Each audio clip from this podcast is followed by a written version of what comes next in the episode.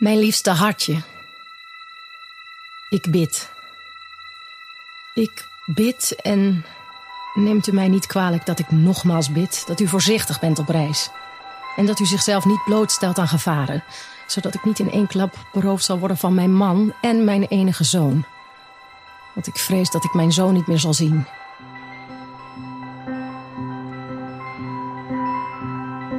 De jaren 1672 en 1673 werd Utrecht bezet door het Franse leger van koning Lodewijk XIV.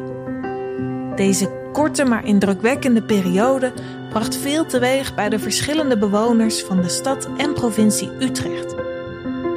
Hoe ging kasteelvrouwe Margaretha Turner om met de dreiging van de Fransen? Je luistert naar een podcast van het Utrechts Archief. Mijn naam is Kathleen Verdult en tegenover mij zit mijn collega Floortje Tuinstra. In deze serie neem je mee naar de woelige periode die ook wel bekend staat als het rampjaar. Per aflevering hoor je een historisch personage dat aan de hand van archiefstukken uit ons archief leven is ingeblazen door theatergroep Aluin. Vandaag Margaretha Turner.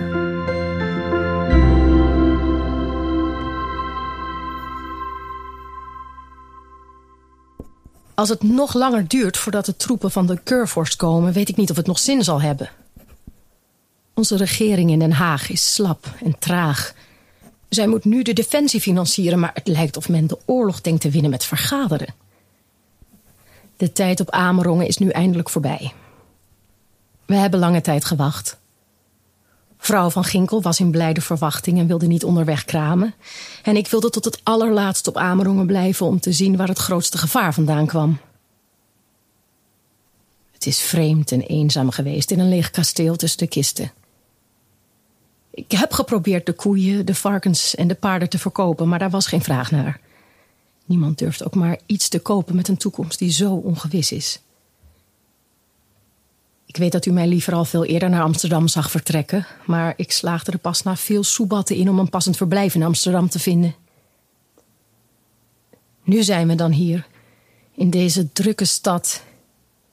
Het is een heel zware beslissing om alles te verlaten wat men heeft, omdat er geen hoop is op een goede uitkomst. Aan de andere kant gaat mijn zorg ook uit naar al die mensen die niet kunnen vluchten, terwijl niemand weet wat er onder de Fransen te wachten staat. Het huis is erg klein, met vrouwen van Ginkel en haar kroost zitten we als haringen opgepakt. Voor een dame van buiten is dit een verzoeking. En dan de grachten. De stank is gruwelijk. Als er bij ons een kadaver in de slotgracht dreef, had ik terstond de opdracht gegeven dier te verwijderen. Maar hier is dat onbegonnen werk. Iemand zei: Amsterdam is een schone maagd. Met stinkende aderen. Dat is mooi gezegd. Het heeft me veel geld gekost om alles te vervoeren. Ik heb zoveel mogelijk van ons goed verhuisd, want ik verwacht weinig terug te zien van wat ons huis herbergt.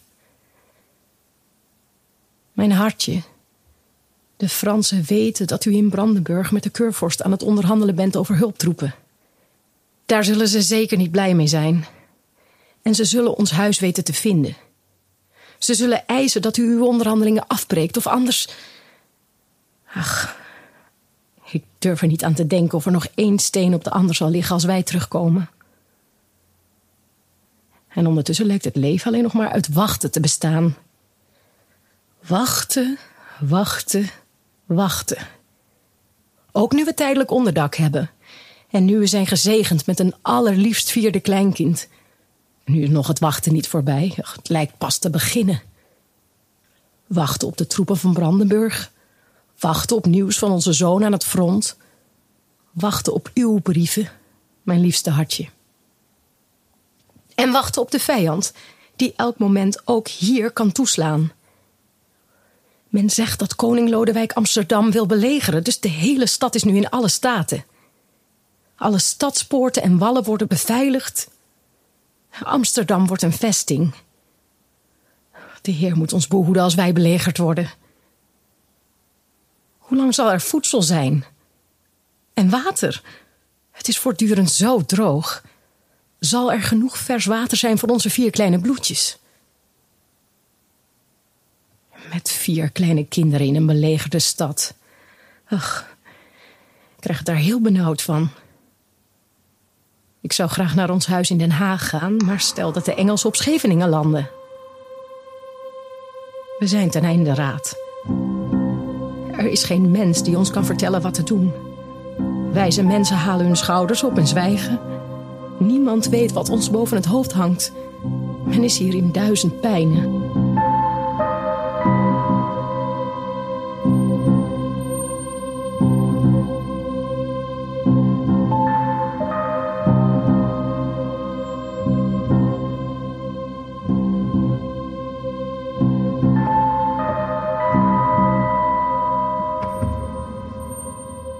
Mijn heer en liefste hartje. Zo zijn uh, zo'n 500 brieven begonnen van Margaretha Turner die ze aan haar man heeft geschreven. En zij heeft dus echt bestaan. Ja, zij heeft echt bestaan. Ze was getrouwd met uh, Adriaan van Reden van Amerongen. En ze woonde ook op kasteel Amerongen. En hij was daar de heer van. Alleen hij was meestal niet thuis, want hij was diplomaat. En hij uh, reisde dus heel veel Europa rond uh, in opdracht van de Staten-Generaal. En als hij er niet was, dan uh, zorgde zij voor het kasteel en voor de landerijen. En maakte ze afspraken met de pachters. En nou, onderhield ze alle contacten die hij normaal zou hebben gedaan. En ze hadden ook een zoon, Godaard, om het iets verwarrend te maken. dat was geen klein kind meer, die was al tegen de dertig. Uh, die was getrouwd. Het tijdens het rampjaar, ja. Uh, hij was getrouwd met uh, Ursula. En samen hebben ze op het moment dat we hier in het verhaal vallen vier kinderen. En een vijfde is net geboren. Of het is de vierde is net geboren. Nou ja, ze hebben uiteindelijk heel veel kinderen gekregen. Veertien. Ja, veertien. Ja, ongelooflijk. En dat terwijl hij zoveel weg was. Want hij was dus ook vaak weg. Want hij zat in het leger.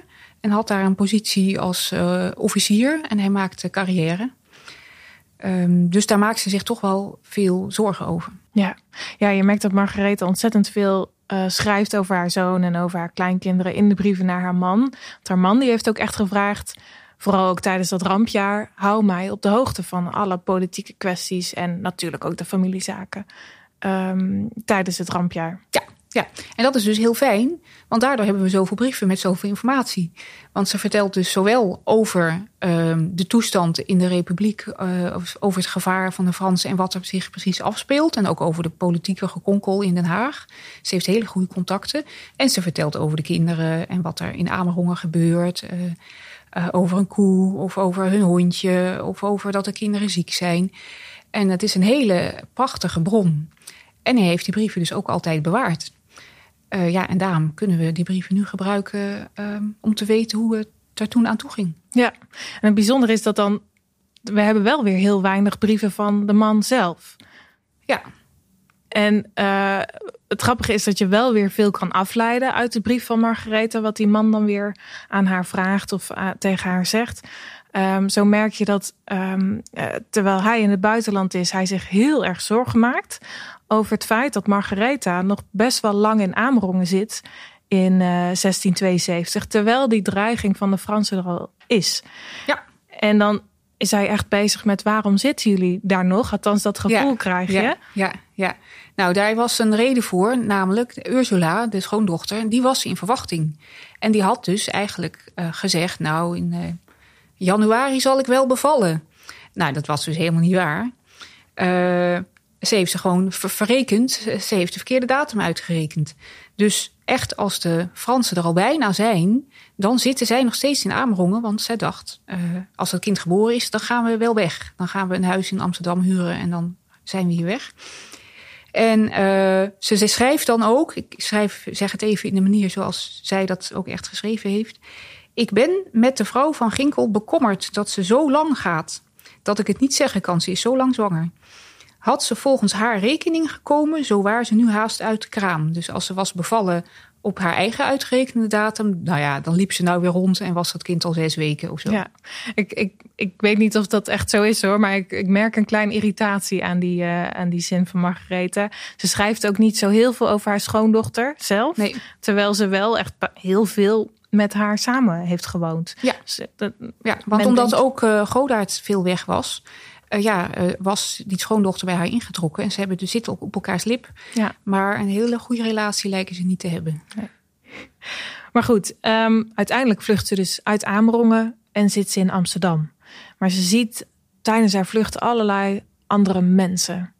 Ja, ja je merkt uh, uit haar brieven dat ze heel bekommerd is uh, om de mensen om zich heen. En niet alleen mensen van haar eigen stand, maar ook um, ja, de andere mensen.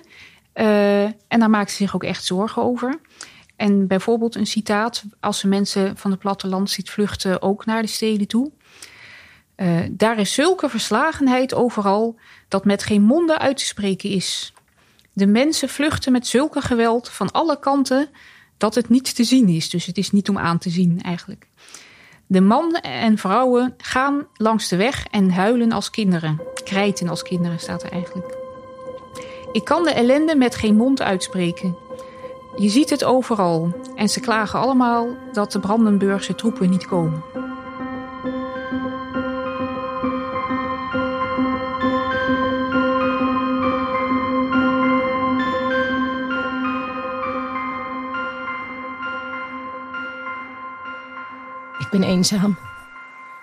En vreselijk bezorgd.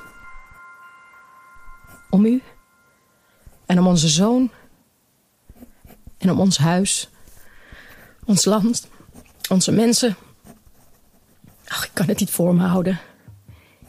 Ik weet dat ik u met mijn woorden ongerust maak, maar ik kan niet anders dan schrijven wat ik zie en hoor en wat ik vrees. Men zegt dat er gisteren in Utrecht een oproer is geweest toen luitenant-kolonel Van Weden en andere regenten met hun bezittingen de stad uit wilden vluchten. Ze waren onderweg naar de schepen om te laden. Dat zagen de vrouwen van de zakkendragers en een van hen riep dat het een schande was dat de hoge heren gingen vluchten met al hun dure spullen. Dat ze hun mannen naar het front stuurden, dat de vrouwen daardoor achterbleven als prooi voor de vijand en dat zij er vervolgens zelf vandoor gaan. En daar bleef het niet bij. Een andere vrouw rukte de koffers open en het zilver en goud vloog alle kanten op. Omstanders moesten ingrijpen om de vrouwen rustig te krijgen. En nu mag niemand meer de stad in of uit, zonder dat de burgers dat weten. Ze dwingen de burgemeester de sleutels af en beweren zelf de baas te zijn. Burgemeester Hamel schijnt er ook vandoor te zijn, anders was hij opgehangen. Overal komt het volk in opstand. Ze schelden op de regenten, op de Brandenburger troepen die maar niet willen komen, op de keurvorst die ons verraadt, en op u, mijn liefste. Ze zeggen dat u het geld voor de troepen in eigen zak steekt en nooit meer terugkomt. Ik was een paar dagen geleden in Utrecht en ik wist niet hoe snel ik daar weer weg moest komen. Vond de stemming heel onaangenaam. Ik durfde mijn naam niet bekend te maken trok mijn kap over mijn ogen en ging zo stilletjes ongemerkt de stad uit, waarna meteen de poort gesloten werd. Hadden ze geweten dat ik het was, dan was ik vast in de problemen gekomen. Mijn hart zegt dat ik mij niet moet verschuilen, dat ik u moet verdedigen. Ik wil schreeuwen dat u als een leeuw voor ons land vecht. Maar de woede van de mensen is zo groot ik durf niks te zeggen. U had het al eerder geschreven, maar nu wordt inderdaad in Holland door de onze alles onder water gezet. De zaagmolens worden afgebroken en de boeren en molenaars lijden grote schade. De muren van de boerderijen en stallen storten in. Het is heel bitter. Het gekerm van de beesten en van de mensen snijdt door de ziel en zelfs een stenen hart krijgt medelijden. Ik kan het leed maar nauwelijks uitspreken. De post uit Hamburg is aangekomen. Zonder brief van u. Dat baart mij zorgen. Het is nu al de derde post zonder brieven voor mij. Ik hoop dat u gezond bent. En als dat niet zo is, dat iemand mij dat zou schrijven. Mijn liefste hartje. Ik bid nogmaals dat de Almachtige ons wil helpen en ons land genadig wil zijn. Ik bid u weer te zien. Ik bid dat onze zoon de strijd zal overleven. Ik bid voor u beiden. Ik groet u met heel mijn hart. Mijn Heer en liefste hartje. In afwachting van ons weerzien blijf ik. Uw getrouwe vrouw, Margaretha Turner.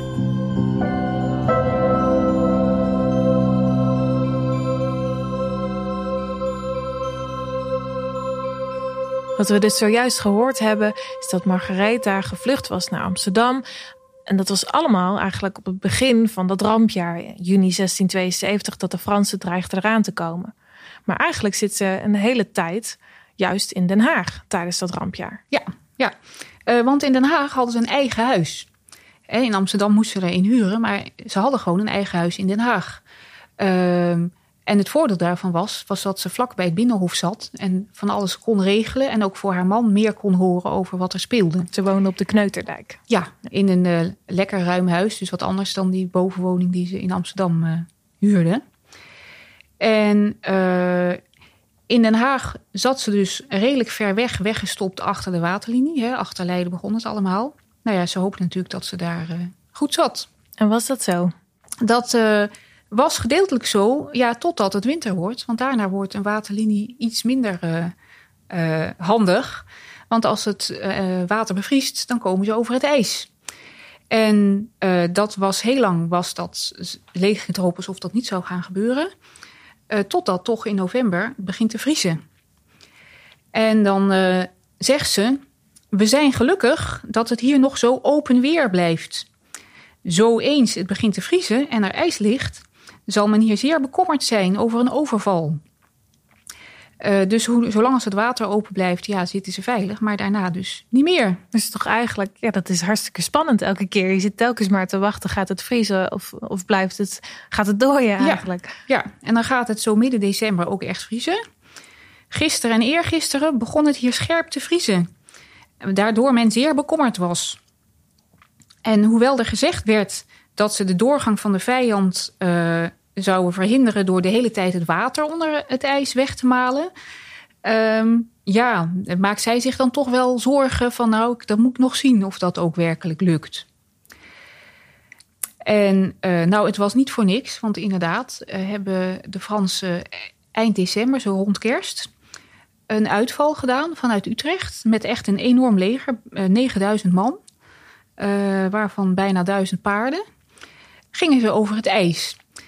En konden ze dus ook, behalve dat ze dus gewoon over de dijken konden, wat normaal gesproken al een toegangsroute was, konden ze dwars over de weilanden. Maar het water bleek uiteindelijk, of het ijs bleek uiteindelijk toch niet dik genoeg. Dus ze moesten die paarden achterlaten. Dus de uh, soldaten... zakten die er doorheen? Ja, de paarden zakten er natuurlijk doorheen. En verderop bleken ze toch wel over verschillende sloten te moeten, die, waarvan het ijs dan toch ook weer minder dik was dan ze hadden verwacht. Dus het werd uiteindelijk een tegenvaller. Ze kwamen een heel eind. Uiteindelijk kwamen ze tot Zwammerdam. Dan ben je al echt in Holland. Um, maar verder konden ze niet vanwege de dooi die ook plotseling inviel. En toen hebben ze flink huis gehouden in uh, Zwammerdam en later ook in Bodegraven op hun terugtocht. Maar daar vertellen we in een uh, latere aflevering wel meer over. Okay. Maar ze heeft dus uh, in haar brieven dan dankt ze God heel vaak. En deze keer dus om het weer. Dat het toch weer snel ging dooien op die, uh, op die koude winternacht. Ja, want ze schrijft... Door een zeer plotselinge en hevige dooi... die de Heer Almachtig buiten alle verwachting gaf... kon de vijand voor nog achteruit. En dat kwam zeer goed uit. Zonder dooi waren wij alle ten dode opgeschreven. Maar ja, Veilig in Den Haag, ze zijn alsnog wel heel dichtbij gekomen. Ja, ze waren natuurlijk wel heel dichtbij, want Zwammerdam is niet ver weg van Den Haag. En ze heeft er wel degelijk ook het een en ander van meegekregen. Want ze schrijft: S'nachts rond één uur volgden er kort op elkaar berichten. En ik, die vanwege mijn zorgen over mijn zoon niet kon slapen, hoorde de nachtwaker roepen: Harut, Harut. En daarmee wekte hij iedereen uit bed. De burgerij ging te wapen en de klokken op alle dorpen luiden. Alles was in zo'n beroering, ik zal het niet snel vergeten. Wat een zorg heeft zij toch gehad? Ja, zeker. Vanuit Den Haag krijgt ze ook nog eens allerlei berichten uit Amerongen. Ja, dat klopt. Um, en die zijn niet zo best. Uh, want de berichten die ze krijgt is dat het dorp eigenlijk verlaten is. En dat er bijna geen steen in de straat meer ligt. En de uh, inwoners zijn allemaal weggetrokken. De meeste naar Wijk bij Duurstede of naar Renen. En dat wordt ook uh, door haar ja, zaakwaarnemer in Amerongen, dus de beheerder van het huis, die zit er nog wel. En dat is Teunis Huibrechtse. En die komt op een gegeven moment ook in Den Haag op bezoek. Teunis Huibertse is van Amerongen hier. Hij zei dat het daar in het dorpen zeer desolaat uitziet. Dat er haast niet één steen in de straten meer leidt. De inwoners zijn meest tot wijk, dat is dus wijk bij Duurstede, en Riene, dat is Rene. Weinig huisgezinnen in het dorp. En uh, nou ja, ze schrijft ook nog wel meer dingen. En op een gegeven moment uh, wordt het haar man een beetje gortig. En die zegt dan wil je wat minder van die vreselijke dingen schrijven. En dan zegt ze oké, ik zal een beetje oppassen. En aan de andere kant denk je denken, ja, hij had toch gevraagd of ze me op de hoogte zou houden. Ja, hij had juist gevraagd, stuur mij alles wat je ja, weet. Dus, dus nou, dan moet je ook niet zeuren. Maar het, het meest verschrikkelijke bericht komt eigenlijk rond januari 1673. Ja, en dat gaat ook over Amerongen. Dat gaat namelijk over hun eigen huis, hun kasteel in Amerongen waar ze woonden. Want uh, dat dreigen de Fransen te gaan verwoesten. En uh, ze eisen een grote som geld, een brandschatting. Als je niet betaalt, dan wordt het huis platgebrand. En ze, die Fransen hadden het best wel specifiek. Uh... Hun huis op de korrel, ja. ja. Want hij zit in Berlijn om bij de keurvorst geld en troepen los te krijgen. Maar dit was een methode die ze vaker gebruikten. Dus ze hebben meerdere kasteeleigenaren die weg waren of die iets aan doen waren wat in hun nadeel was, gedreigd hun kasteel af te branden. En dan het doel was dan om geld te krijgen. En zij twijfelt of ze dat nou moet gaan betalen of niet. En ze zegt, ja, tot het behoud van mijn huis zou ik veel doen en meer dan ik kan. Maar ik vrees dat als we nu geld geven, er binnen de kortste keren weer omgevraagd wordt. Want zij willen geld hebben, maar dat is zowel bij mij als bij hen schaars. Wat bedoelt ze met schaars? Um, nou, het is niet zo heel makkelijk om aan geld te komen. Dus zelfs al ben je rijk of vermogend, kan je niet zomaar aan contant geld komen. Dat moet je echt van een bankier uitgekeerd krijgen. Maar de bankiers in bijvoorbeeld Amsterdam konden ook niet zomaar aan geld komen. Dat moest dan via Hamburg in een schip. Moest je echt een tonnetje geld van je zaakwaarnemers in eh, Hamburg laten komen. Bevriende bankiers. Uh, dus het kon gewoon niet. En ze heeft dus op een gegeven moment te weinig geld. Uh, en dan zegt ze aan de Fransen, vraagt ze van, kan ik niet alsnog kan ik, is 2000 ook goed of 1000? En dan zijn er zelfs mensen in Amerongen die moeite doen om geld voor de bij elkaar te krijgen. Maar dat is te laat. Dus uiteindelijk wordt het huis toch in brand gestoken. En dan zeggen ze, uh, of schrijft ze aan haar man dat het toch echt is gebeurd. Heel Den Haag is gisteren vol geweest van ons huis in Amerongen. Aan meerdere mensen is geschreven dat de Fransen het huis aan vier hoeken in brand zouden hebben gestoken. Ze heeft het dus zelf nog niet gehoord. Ze hoort het dan via via. Het zou twee dagen hebben gebrand. En dan later hoort ze, um, of dat hoort uh, haar man, dat de Franse gezant, of de intendant Robert, Robert, hm. dat hij zei: Nou ja, zelfs al had je het geld bij elkaar gekregen, dan nog uh, hadden we het in brand gestoken. Want het feit dat de heer van Amerongen alle staatshoofden in Europa tegen Frankrijk uh, opzet, maakt dat hij hem niks dan slechts toewenst. Wat verschrikkelijk allemaal. Dus het was uh, toch niet te voorkomen geweest.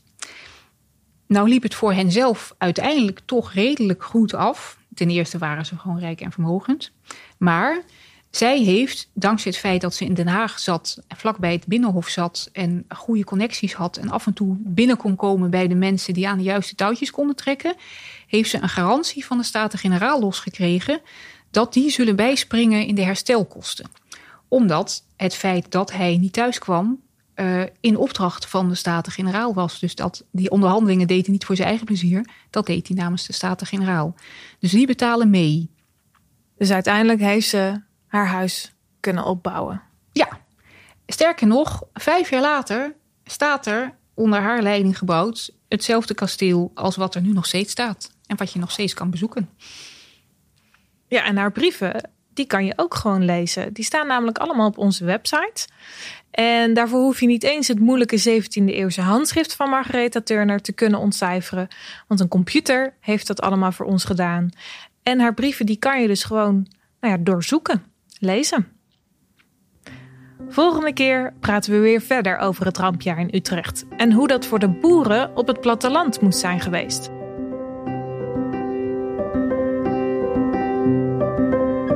Je luisterde naar een podcast van het Utrechts Archief. De research is gedaan door Floortje Tuinstra, die onderzoek deed in de brieven, dagboekaantekeningen en pamfletten die worden bewaard in ons archief. De verhalen van de historische personages zijn geschreven door theatermaker Erik Snel van theatergroep Aluin.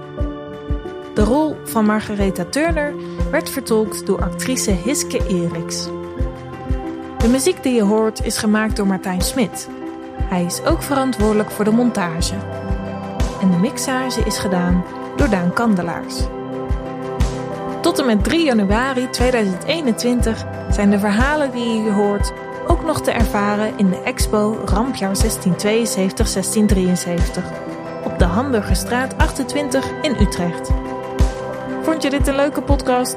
Vergeet ons dan niet te volgen of de podcast te liken, zodat andere mensen ons ook kunnen vinden.